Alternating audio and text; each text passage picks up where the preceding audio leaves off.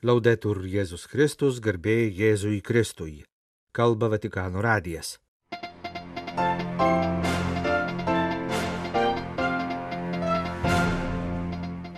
Popiežiaus Pranciškaus ir Ukrainos prezidento pokalbis telefonu ketvirtadienio vakarą. Popiežiaus pasiuntinys į Šventąją Žemę, kardinolas Konradas Krajevskis, užbaigė savo misiją.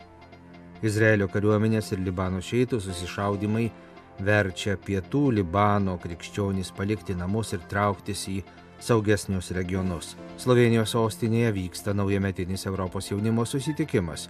Austrijoje 85 tūkstančiai vaikų dalyvauja žvaigždės gėdotojų kampanijoje.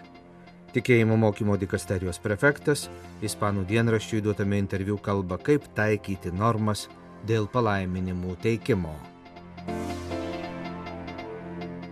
Ukrainos prezidentas Volodimiras Zelenskis gruodžio 28 dieną kalbėjosi su popiežiumi Pranciškumi. Prezidentūros interneto svetainėje prezidentas informuoja, kad jis padėkojo popiežiui už kalėdinius sveikinimus Ukrainai ir ukrainiečiams bei už teisingos taikos linkėjimus. Prezidentas su popiežiumi aptarė Ukrainos siūlomą taikos formulę, kurią remia jau daugiau kaip 80 valstybių Prezidentas yra įsitikinęs, kad jų bus dar daugiau, jis taip pat reiškia dėkingumą Vatikanui už paramą jų darbui. Po 2022 m. vasario 24 d. prasidėjusios Rusijos agresijos prieš Ukrainą, popiežius Pranciškus ir prezidentas Volodimiras Zelenskis kelis kartus kalbėjosi telefonu. Pirmasis pokalbis įvyko praėjusiu metu vasario 26 d. praėjus dviem dienoms po konflikto pradžios. Kitas pokalbis telefonu įvyko 2022 kovo 22, dar vienas 2022 rūpiučio 12. Volodimiras Zelenskis du kartus lankėsi Vatikane ir asmeniškai susitiko su Pranciškumi. Pirmasis vizitas įvyko 2020 metais, antrasis šių metų gegužės 13 dieną. Kardinolas Konradas Krajevskis sugrįžo į Romą iš šventosios žemės, į kurią nuvyko su popiežiaus pavesta misija vietos gyventojams paliudyti visuotinės bažnyčios ganytojo pranciškaus artumą ir atjautą kenčiantiems dėl karo. Kardinolas Krajevskis pokalbėje Vatikano radijoje Vatican News patikino, jog dėl karo gazos ruože tarp Hamas teroristų ir Izraelio kariuomenės Šimtai žmonių gyvena be nieko ir reikia susirūpinti, kaip jiems padėti. Anot kardinolo reikia būtiniausių daiktų, tačiau kartu reikia planuoti ilgalaikės pagalbos tiekimą pasibaigus konfliktui. Pagalbos reikės visiems, kurie po konflikto nuspręs pasilikti gimtinėje ir tiems, kurie norės išvykti.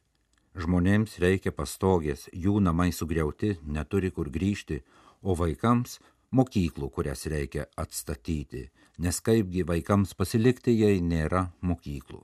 Pavyzdžiui, reikia galvoti apie surenkamų namų tiekimą ir mokyklų atstatymą, patikino kardinolas Konradas Krajevskis, dalydamasis įspūdžiais po apsilankimo šventojoje žemėje kalėdų dienomis. Pasak jo, visi sutikti žmonės gyvena su viltimi, kad karas pasibaigs kardinolas sielojosi, kad daugelis kraštų nesuteikia jokios pagalbos, o kai kurie nedideli kraštai sugeba tai daryti. Jis paminėjo Jordanijos atvejį karaliaus Abdalacho antrojo dėka į gazos ruožo teritoriją atgabenta įvairios humanitarinės pagalbos, įskaitant labai reikalingus medikamentus. Kardinolas pridūrė, jog iš gazos vikaro sužinojo, kad katalikų Šventosios šeimos bendruomenė parapijos patalpose gazos mieste globoja 50 sužeistų žmonių, bet neturi medicininių reikmenų. Todėl gazos ruožo žmonėms gauti vaistus yra palaiminimas, kurį, nepaisant visų kliūčių, žmonės suteikė, išdrįsdami keliauti į gazos ruožą atvertais keliais. Nuvykau į šventąją žemę, į vietas, kur siaučia karas su tikėjimu ir malda. Ten liejasi neapykanta, kerštas, vienas kito žudo, trūksta vandens, maisto, nėra elektros rovės. Per kalėdas mums švenčiausias dienas tęsiasi kovos ir žudynės tiek Ukrainoje, tiek Gazos ruože. Atvykau į šį kraštą su pačiais galingiausiais ginklais, su tikėjimo ir maldos ginklais, kurie visuomet gali kalnus kilnoti ir užbaigti konfliktus. Tačiau taip nėra. Kodėl? Tai kardinolo Konrado Krajevskio žodžiai, kuriais sugrįžęs į Romą po popiežiaus atjautos misijos, stengiasi tikėjimo šviesoje suvokti Dievo slėpinį per artimuosiuose rytuose įsiplieskusio karo prizmę. Kardinolas pažymėjo, kad lankydamas vietas, kuriuose gyveno Jėzus Nazarete, Betlėjuje, ten, kur buvo nukryžiuotas, nužudytas ir prisikėlė iš numirusių, klausė savęs, kodėl nėra taikos. Jėzus nori taikos, tačiau kodėl jos nesuteikia mūsų laikams popiežiaus atjautos pasiuntiniui kardinolui Krajevskiui įstrigo mintis, kad įeinantieji į Šventojo kapo koplyčią prisikėlimo bazilikoje Jeruzalėje turi žemai pasilenkti. Įeinant į kitas šventovės, pavyzdžiui, į Jėzaus gimimo baziliką Betliejuje, irgi reikia pasilenkti. Reikia pasilenkti priešai slėpinį. Galbūt pasaulis užmiršta nusilenkti Dievo akivaizdoje Gal mes užėmėme Dievo vietą, norėdami valdyti ir smerkti negailestingai be meilės. Gal todėl žemėje nėra taikos, nes nebenusilenkėme priešais Dievą. Konradas Krajevskis prisiminė prieš kelias dienas gruodžio 27 dieną bažnyčios paminėtą apaštalo ir evangelisto šventojo Jono liturginę šventę, būtent šventasis Jonas atbėgęs prie Jėzaus kapo olos, norėdamas įsitikinti, kad jo kūno ten nėra, nes jis prisikėlė, įeidamas turėjo pasilenkti. Tačiau mes nudieną daugiau nenusilenkime, nors durys iš šventosios žemės šventovės liudija, jog turime nusilenkti, kad suprastume Dievo slėpinį, jo meilę, gailestingumą ir gyventume pagal Jėzaus mokymą. Dėkoju viešpačiui už suteiktą galimybę šias dienas praleisti šventojoje žemėje ir už tai, kad galėjau pradėti suprasti Dievo slėpinį.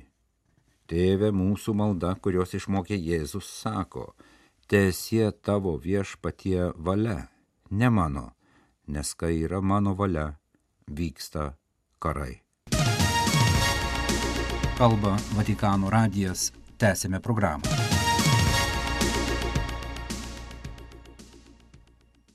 Nuo spalio mėnesio apie 90 procentų pietų Libano krikščionių kaimų gyventojų paliko savo namus, ieškodami saugumo nuo Izraelio ir Libano pasienyje vykstančio apšaudimo. Pietų Libano pasienio kaimuose gyvenantis krikščionis šiemet kalėdas šventė santūriai, tvyrant tebesitėsiančio karo gazos ruožę ir jo padarinių Libane šešėliui. Nuo spalio 7 dienos, kai prasidėjo Izraelio ir Hamas karas, Libano šijų kovotojų grupuotė Hezbollah ir Izraelio pajėgos pasienyje beveik kasdien dalyvauja susirėmimuose, per kuriuos, kaip pranešama, Libano pusėje žuvo 159 žmonės.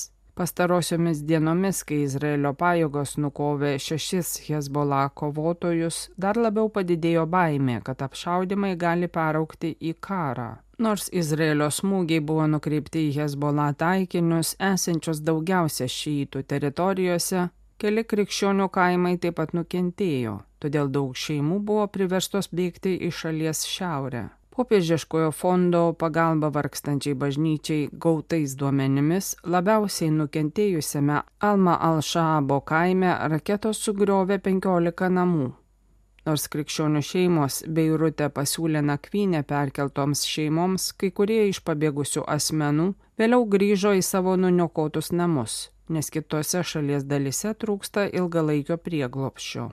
Fondo projektų Libane vadovas Ksavieras Stevenas Bisicas pranešė, kad nukentėjo dirbamos žemės laukai. Tai paveikė nemažai šeimų, kurios ir taip skursta dėl tebesitėsiančios Libano ekonomikos ir finansų krizės. Pasak Saviero Bisico, visi kunigai ir vienuoliai liko kaimuose, kad patarnautų tiems, kurie yra per seni ar silpni, kad galėtų išvykti. Jis pasakojo, kad Tyro maronitų vyskupas neseniai aukojo mišes Ermeicho kaime, kuriam grėsė apšaudimo pavojus. O Tyro Melkitų vyskupas vyko aplankyti tikinčiųjų pasienio kaimuose. Tai liudija apie tvirtą šio regiono žmonių tikėjimą ir atsparumą sakė fondo pagalba kenčiančiai bažnyčiai atstovas. Gyventojai baiminasi, kad kovos gali paštrėti, o dabartinis konfliktas primena 2006 m. Izraelio ir Hezbollah karą. Didėjant įtampai Maronitų patriarchas kardinolas Behara al-Rahi Kalėdų dieną dar kartą paragino Libaną išlikti neutralų. Mes nepritarėme karo plitimui į pietinius kaimus. Libanas yra ne karo, o dialogo ir taikos šalis, sakė patriarchas Kalėdų homilijoje. Liūdėdamas dėl žuvusių gazos ruožę, kardinolas priminė, kad karo išplėtimas į Libaną prieštarauja tiek Junktinių tautų saugumo tarybos rezoliucijai, kuri buvo priimta siekiant užbaigti 2006 m. karą, tiek 2012 m. Babdos deklaracijai, kurioje buvo pabrėžtas Libano neutralumas artimųjų rytų regiono įvykių atžvilgių. Libano neutralumas yra Libano tapatybės pagrindas nuo 1860 metų. Libanas yra politiškai neutralus, nes yra nekariaujantis, pabrėžia patriarchas Behara al-Rahi. Gruodžio 27 dieną oficialiai 70-ąjį kartą prasidėjo žvaigždės gėdotojų trijų karalių iniciatyva, kurią organizuoja Austrijos katalikiškojo jaunimo organizacija.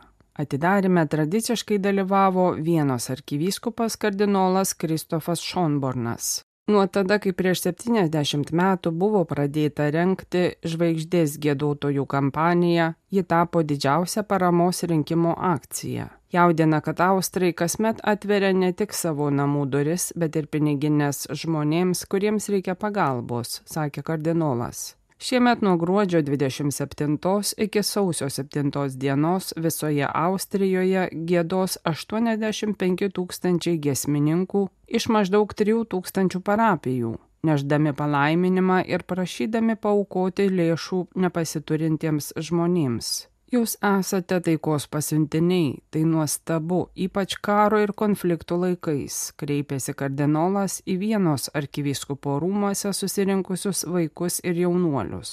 Praėjusiais metais mergaitės ir berniukai persirengę išminčiais Kasparu, Melchioru ir Baltazaru, gėdodami surinko 19 milijonų 200 tūkstančių eurų. Iš viso nuo 1954 metų per žvaigždės gėdotojų akciją surinkta apie 520 milijonų eurų. Salzburgo arkivyskupas Francas Lakneris taip pat pagyrė žvaigždės gėdotojų kampanijos dalyvius. Tai nepaprastas ir nepakeičiamas įsipareigojimas, pabrėžė Austrijos viskupų konferencijos pirmininkas. Gėdantis vaikai yra pasitikėjimo ambasadoriai šiais nepastoviais laikais, sakė arkivyskupas Francas Lakneris.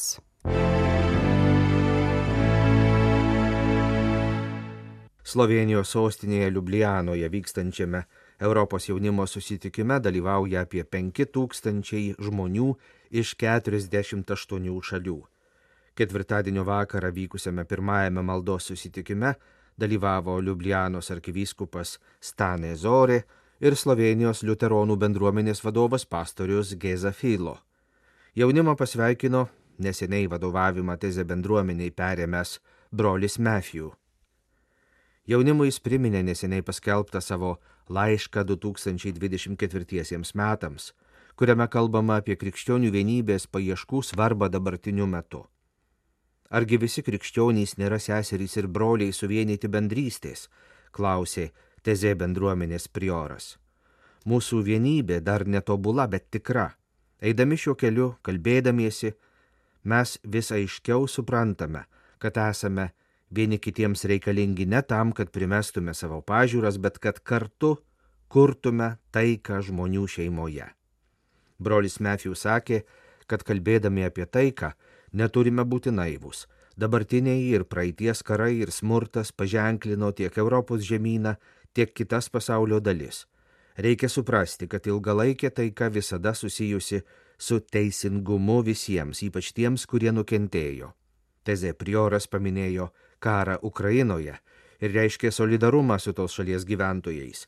Ypatingą sveikinimą jis skyrė Ukrainos jaunimo atstovams, kurie sugebėjo atvykti į Liublianą. Krikščionys negali išleisti iš akių Kristaus, tik jis supranta giliausius žmogaus širdies troškimus. Jis kviečia eiti kartu su juo ir žvelgti jo akimis. Ar esame pasirengę leistis į šį tikėjimo nuotykį, pasitikėti tuo, kuris mus myli anksčiau, nei mes jį pamilome, pasilikti su juo, klausė brolis Matthew.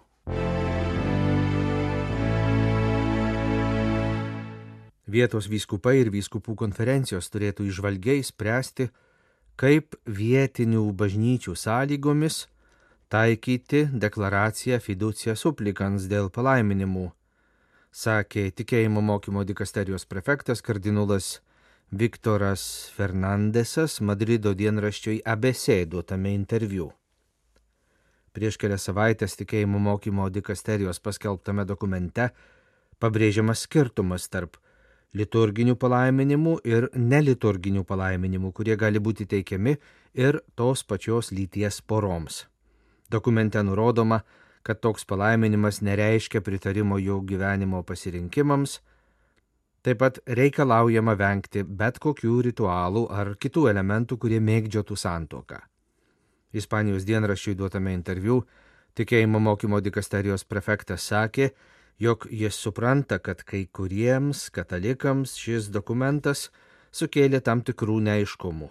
Tačiau, sakė kardinolas, pakanka šį dokumentą perskaityti su geranorišku nusiteikimu, kad įsitikintume, jog jame labai aiškiai ir paprastai patvirtinamas katalikų mokymas apie santuoką ir žmogaus lytiškumą. Kardinolas sakė puikiai suprantantis kai kurių Afrikos šalių vyskupų abejonės. Kai kuriuose Afrikos šalyse galioja įstatymai, pagal kuriuos homoseksualūs asmenys baudžiami kalėjimu. Tad galima įsivaizduoti, kas nutiktų, jei būtų suteiktas palaiminimas tos pačios lyties porai.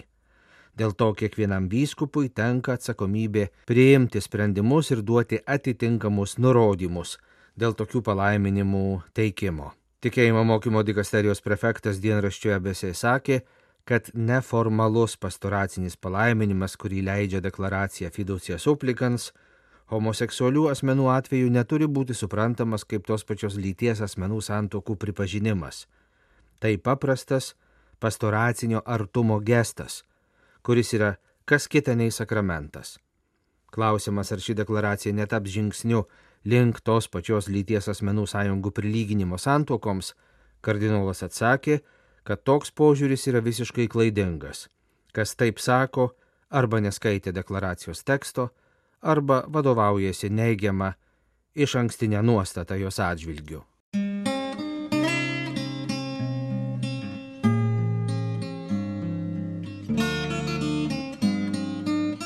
Kalba Vatikano radijas. Laidą lietuvių kalba baigėme. Garbėjai Jėzui Kristui, laudetur Jėzus Kristus.